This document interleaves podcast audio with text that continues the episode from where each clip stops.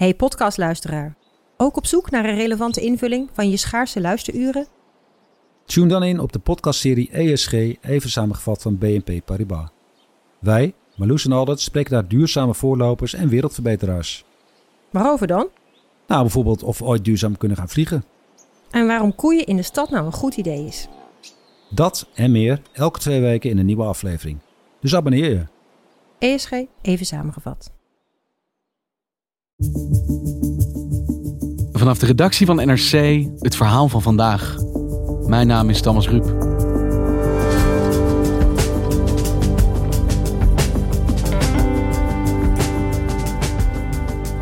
Op het Malieveld stonden honderden mensen ermee te zwaaien. Ze hebben een grotere oplage dan NRC en Duitse Kroes post erover op Instagram. De andere krant, een zelfverklaard alternatief medium. Redacteuren Wilmer Hek en Andreas Kouwenhoven doken in deze organisatie. Wie zitten erachter? En waarom leiden zoveel sporen naar Rusland?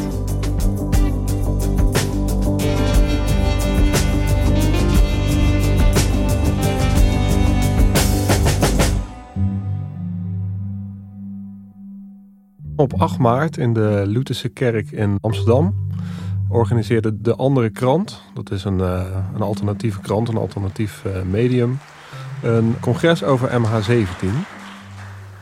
De strekking is hoe de berichtgeving over de MH17 onze geestelijke gezondheid collectief aantast. Um, professor Kees van der Pijl, welkom.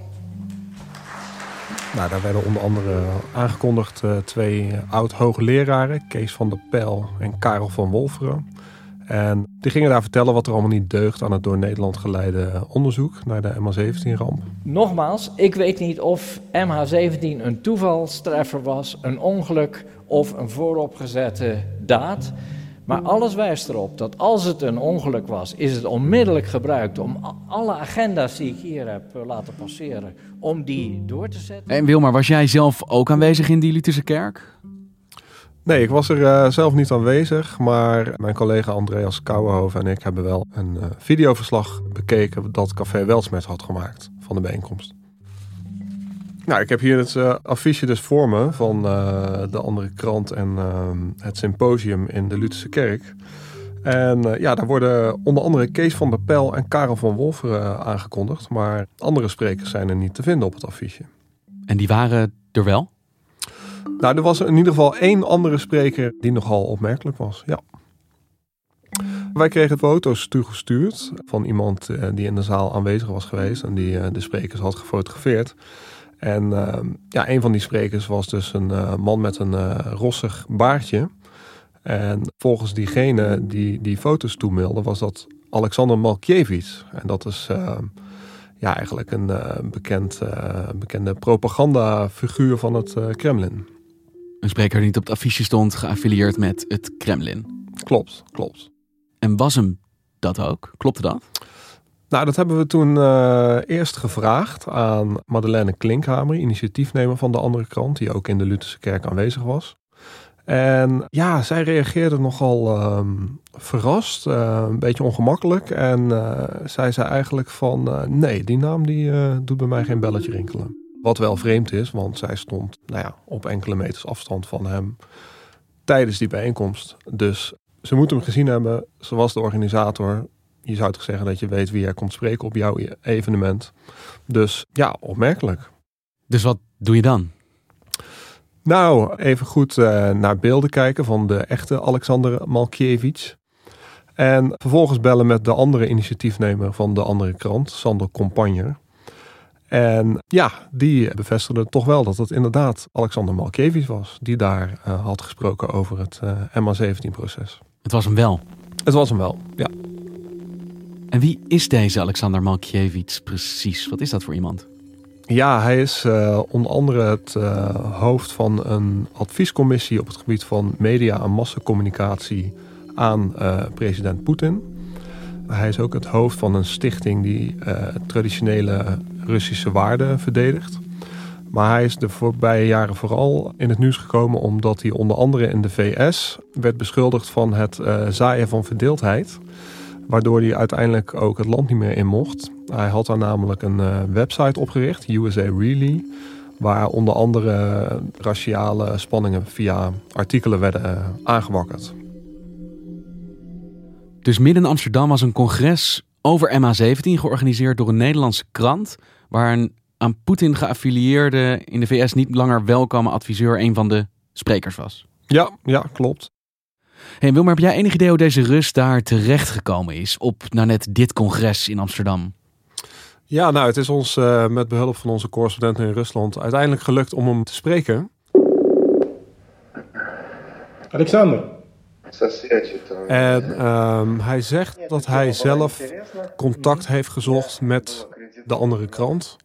En de andere krant is uh, kennelijk, ondanks zijn omstreden status, vooral in de Verenigde Staten, uh, ingegaan op het aanbod uh, dat hij zou spreken in de kerk. Ну, получал аккредитацию на, этот, на эти слушания и написал, что... Zij hebben hem welkom geheten. Ja, dat klopt. Nu is dat wel een punt waar een aantal partijen in de Tweede Kamer erg verbaasd over zijn. We hebben VVD en D66 om een reactie gevraagd. En die zeggen van nou, hoe is het in vredesnaam mogelijk dat iemand die bekend staat als een verspreider van Russische desinformatie, die in de Verenigde Staten niet meer welkom is, zich hier kan accrediteren voor het MH17-proces, om daarbij aanwezig te zijn bij de rechtbank uh, op Schiphol.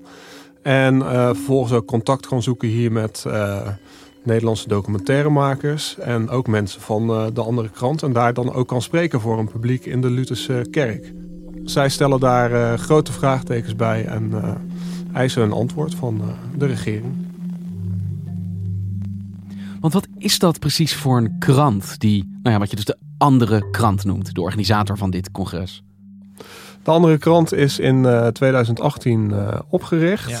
Dus morgen gaat de eerste andere krant naar de drukker. En wat we met de krant beogen is simpelweg een andere kant van het nieuws laten zien. Ik heb hier een aantal edities van de andere krant uh, voor mijn neus liggen. Uh, bijvoorbeeld de eerste editie dus over Rusland. Nou, dan worden we toegelachen door uh, Poetin vanaf de voorpagina. En met de kop ernaast de kracht van Poetin. Ja, als we verder bladeren, dan zien we bijvoorbeeld uh, een vraaggesprek over de MH17-ramp. Met als kop sowieso is Oekraïne schuldig. Dus uh, ja, dan krijg je een beetje een idee van, uh, van de lijn van de krant als het gaat om uh, Rusland. Behoorlijk stevige taal. Ja, ja zeker. En um, nou, ze hebben edities uitgebracht over verschillende thema's. Bijvoorbeeld ook over gezondheid, maar ook over financieel, ons financiële systeem. En deze bijvoorbeeld, ik zie de cover is ja, het schilderij De Schreeuw, maar dan over de mond een mondkapje geplakt. En de titel COVID 1984, dat is, lijkt mij, een verwijzing naar 1984. Dus dit is eigenlijk een soort ja, corona-thema-nummer, denk ik. Ja, ja, ja, klopt. Wat staat er dan bijvoorbeeld in? Ja, nou ja, het begint eigenlijk al uh, als je de eerste pagina openslaat. Uh, in het uh, redactioneel commentaar. De feiten zijn als volgt. De mortaliteit van het virus is om en nabij de 0,02%. Iets lager dan dat van het griepvirus seizoen 2017-2018. Ja, nou, we hebben hier natuurlijk een aantal, of best wel wat podcasts over corona gemaakt. Te veel, als je het sommige luisteraars vraagt. Maar genoeg om te weten dat dat volgens mij 1% is, misschien zelfs iets meer. Ja, als je nu op de website van het RIVM kijkt, dan krijg je inderdaad 1% te zien. Uh, ik geloof dat minister Hugo de Jonge onlangs aan de Kamer heeft geantwoord dat het uh, varieert tussen de 0,3 en 1% volgens de huidige inzichten. Ja, er staat hier dus 0,02, veel lager. Dan denk ik meteen dat is niet waar op de eerste pagina van deze krant. Ja, kijk uh, Thomas, dat zeg jij nu wel. Maar ja, vanuit hun visie is corona of COVID-19 niets meer dan een seizoensgriepje. Dus ehm, ja, zij vinden echt, of zij denken in ieder geval, of zij doen overkomen alsof uh, die, uh, die sterfelijkheid van dat uh, virus, het percentage mensen dat eraan doodgaat, heel erg laag is. En ze zeggen dus eigenlijk ook dus de bronnen waar ik of wij als kranten op baseren, het RIVM, de overheid, dus niet de waarheid spreken, maar zij wel. Ja, zij claimen dat de burger wordt voorgelogen door de, de mainstream media, maar ook door de overheid. Uh, de hoofdredacteur van deze krant, Sander Compagne dus, heeft onder andere op het Malieveld duizenden mensen toegesproken, waarbij hij onder andere zei van, uh, ja... Mensen zijn bang. Want wij laten hun zien dat de instituties waarop ze denken te kunnen vertrouwen, de overheid waarop ze denken te kunnen vertrouwen, dat die niet te vertrouwen is. Want hoeveel mensen krijgen deze krant onder ogen? Hoe groot is dit? Ja, die eerste edities die hadden een oplage van uh, 50.000. Uh, ze hebben een keer een editie over 9-11 gemaakt, de aanslag op de Twin Towers. Maar daarna kwam dus een eerste krant uit die mede als thema corona had, onder de titel Vrijheid. En die had opeens uiteindelijk een oplage van 640.000. 640.000? Ja, ja. Want ik zit even te rekenen. Nu loop ik het risico dat ik ruzie met de hoofdredacteur krijg. Maar wij hebben denk ik een oplage van 240.000, iets in die ja, regionen. Ja, volgens mij ook. Ja. Dus ze zijn ruim twee keer zo groot als NRC. Is dit dan de grootste krant van Nederland eigenlijk? Nou, dat is wel wat die hoofdredacteur Sander Compagne op het Malieveld riep. We zijn ondertussen een eind op weg. De andere krant is de grootste krant van Nederland geworden. Klopt dat dan ergens ook? Ja, ergens wel. Kijk, wij komen natuurlijk zes dagen per week uit. En zij eens in de paar maanden momenteel. Maar per editie uh, klopt dat, ja. En hoe invloedrijk zijn die oplagen van hen, die krant, die zij dus aan heel veel mensen weten te verspreiden? Ja. Nou, ik denk dat uh, tijdens de coronacrisis deze krant wel een, een, behoorlijke invloed heeft gehad. Ja, je ziet dat uh, die uh, demonstranten tegen de coronamaatregelen er vaak mee rondlopen. Maar je ziet dat deze krant ook bekende Nederlanders weet te bereiken bijvoorbeeld. Misschien herinner je je afgelopen zomer uh, Doutzen Kroes. Instagram. Instagram, precies. Zij zei opeens van, goh, willen ze wel dat we beter worden? En met ze bedoelden ze dus de farmaceutische industrie, maar ook weer de mainstream media, de politici. En uh, ja, dan vraag je af, goh, waar uh, baseert zij zich op? Hè? Ja, want ze wierp een soort complottheorie op waarin corona een, ja, een samenspanning was van overheid, farmaceutische industrie en bedrijven. Ja, ja, klopt. Duitse Kroes plaatste bijvoorbeeld filmpjes op haar Instagram waarin ze de andere krant toont en daar doorheen uh, bladert en daar dan ook opmerkingen bij uh, schreef. Ik vind het zo belangrijk voor mezelf om alles van alle kanten te blijven bekijken om de wereld te kunnen begrijpen. Het de andere krant staat er dan. En zij heeft een gigantisch online gevolg, vermoed ik. Ja, ik geloof 6 miljoen uh, volgers. Ja, dus enorm. Ja. En waarom zijn jij en Andreas Kouwenhoven zo geïnteresseerd geraakt in deze krant en de mensen die daarachter zitten? Nou ja, je ziet dus dat deze krant in uh, hoge oplagen wordt verspreid tijdens de coronacrisis. Desinformatie over het virus uh, verspreidt. Nou, dat is ook iets wat Rusland doet. En je ziet dat deze krant heel veel banden heeft met Rusland. In hoeverre is hier sprake van beïnvloeding vanuit Rusland? Ja, en dat is wat Andreas Kouwenhoven en ik graag wilden onderzoeken. Want wat is die Russische connectie dan met deze krant? Als je beschrijft, nou ja, ze zijn enigszins Poetin-gezind ingestoken, maar ook sprekers op zo'n congres met directe banden met het Kremlin. Ja, kijk, de precieze banden die weten wij natuurlijk uh, niet. Wij kunnen alleen maar opschrijven wat we zien. Uh, alleen dat er heel veel banden met Rusland zijn, dat is heel duidelijk. En dat was tijdens die eerste editie over Rusland, was dat nog niet zo, gek genoeg.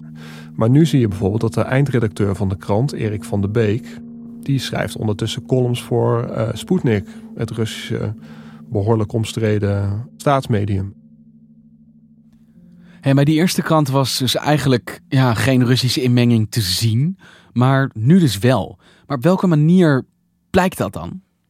Laat ik dan beginnen bij de andere krant Vrijheid. Die kwam dus in, ik geloof, juni uit. Nou, daar staat een. Sowieso kom ik nu langs een artikel van Erik van der Beek. Het sprookje van de Amerikaanse bevrijding. Dat gaat niet over corona. Maar dat is later in columnvorm ook op Sputnik verschenen. Daarom beweert hij dat we nog steeds worden bezet, uh, eigenlijk, maar nu door de Amerikanen. Um, even kijken, maar hier dan uh, het artikel COVID-19 wordt door EU-regeringen gebruikt als instrument voor angst en terreur. En uh, precies dat artikel uh, is ook verschenen in het Engels op oneworld.press. Niet te verwarren met het Nederlandse One World. En uh, dat oneworld.press is gewoon een Engelstalige Kremlin-website. Dus die content, waarin EU-regeringen worden beschuldigd van het verspreiden van terreur onder hun bevolking, wordt één op één overgenomen vanuit een Russisch medium in de andere krant. En zo zijn er nog veel meer verbanden. Kees van der Pijl bijvoorbeeld, die oud-hoogleraar, die was op een gegeven moment, en daar is hij nog steeds aan verbonden, adviseur van een instituut, Dialogue of Civilizations, van een Russische oligarch, Yakunin. En over die Yakunin heeft de Amerikaanse overheid net geconcludeerd dat hij ook weer betrokken is bij verkiezingsbeïnvloeding in het buitenland. Maar het is dus niet alleen een thematische link met Rusland, maar de mensen die hiervoor werken, voor schrijven, zich ermee affiliëren, die hebben soms directe lijnen naar Moskou. Nou, sterker nog, in de allerlaatste editie van de krant, die gaat dus over Latijns-Amerika, over, onder andere over Venezuela prijkt op de voorpagina een artikel van Ekaterina Blinova. Nou, dat is gewoon een uh, Sputnik-redacteur, dus een uh, Russische journaliste van een Russisch medium dat aan het Kremlin gelieerd is.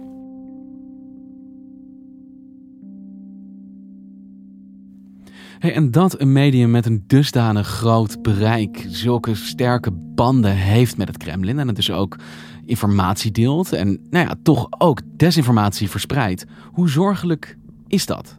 Hoe wordt dat gezien vanuit Nederland? Nou kijk, we hebben bijvoorbeeld uh, Ben de Jong gevraagd. Dat is een uh, expert op het gebied van de inlichtingendiensten. En die ziet hier duidelijk een, een, Russische desinformatiecampagne in.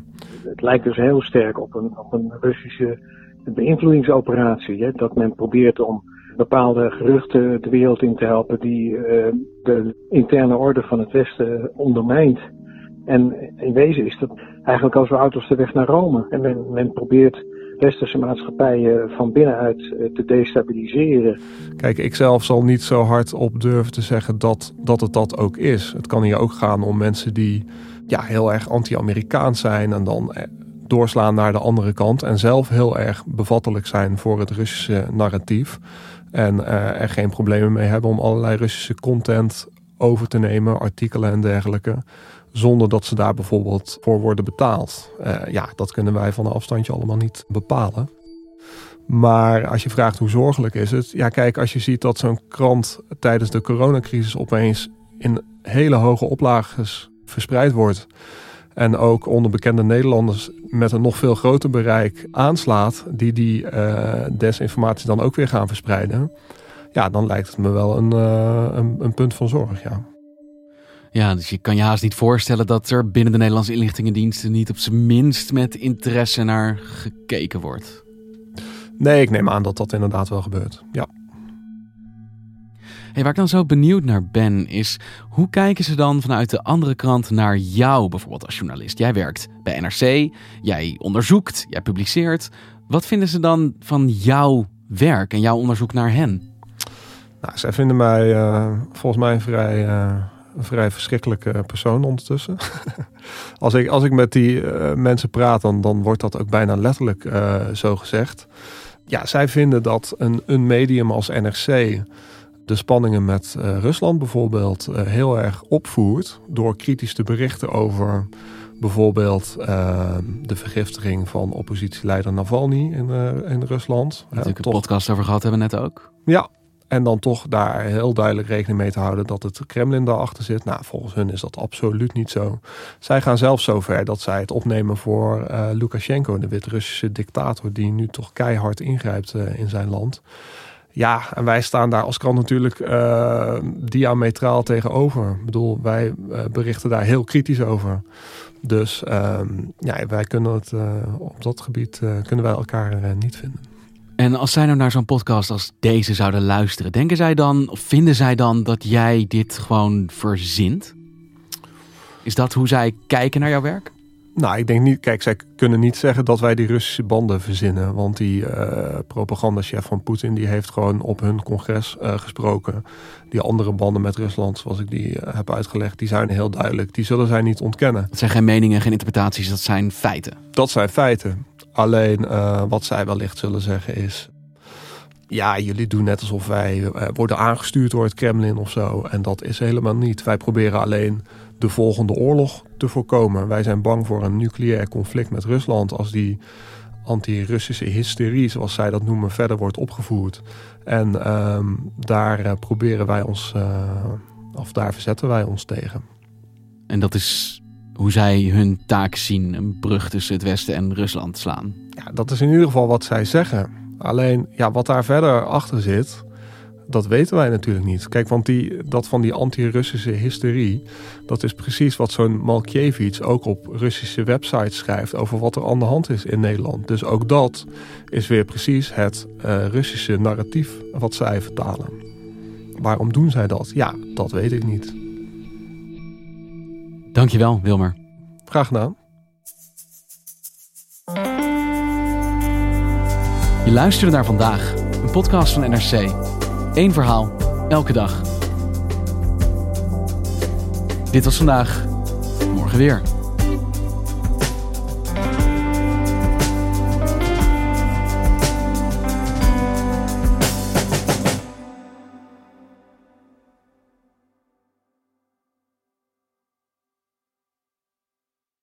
Technologie lijkt tegenwoordig het antwoord op iedere uitdaging. Bij PwC zien we dit anders. Als we de potentie van technologie willen benutten, kunnen we niet zonder een menselijk perspectief. Human-led, tech-powered noemen we dat. Ga naar pwc.nl.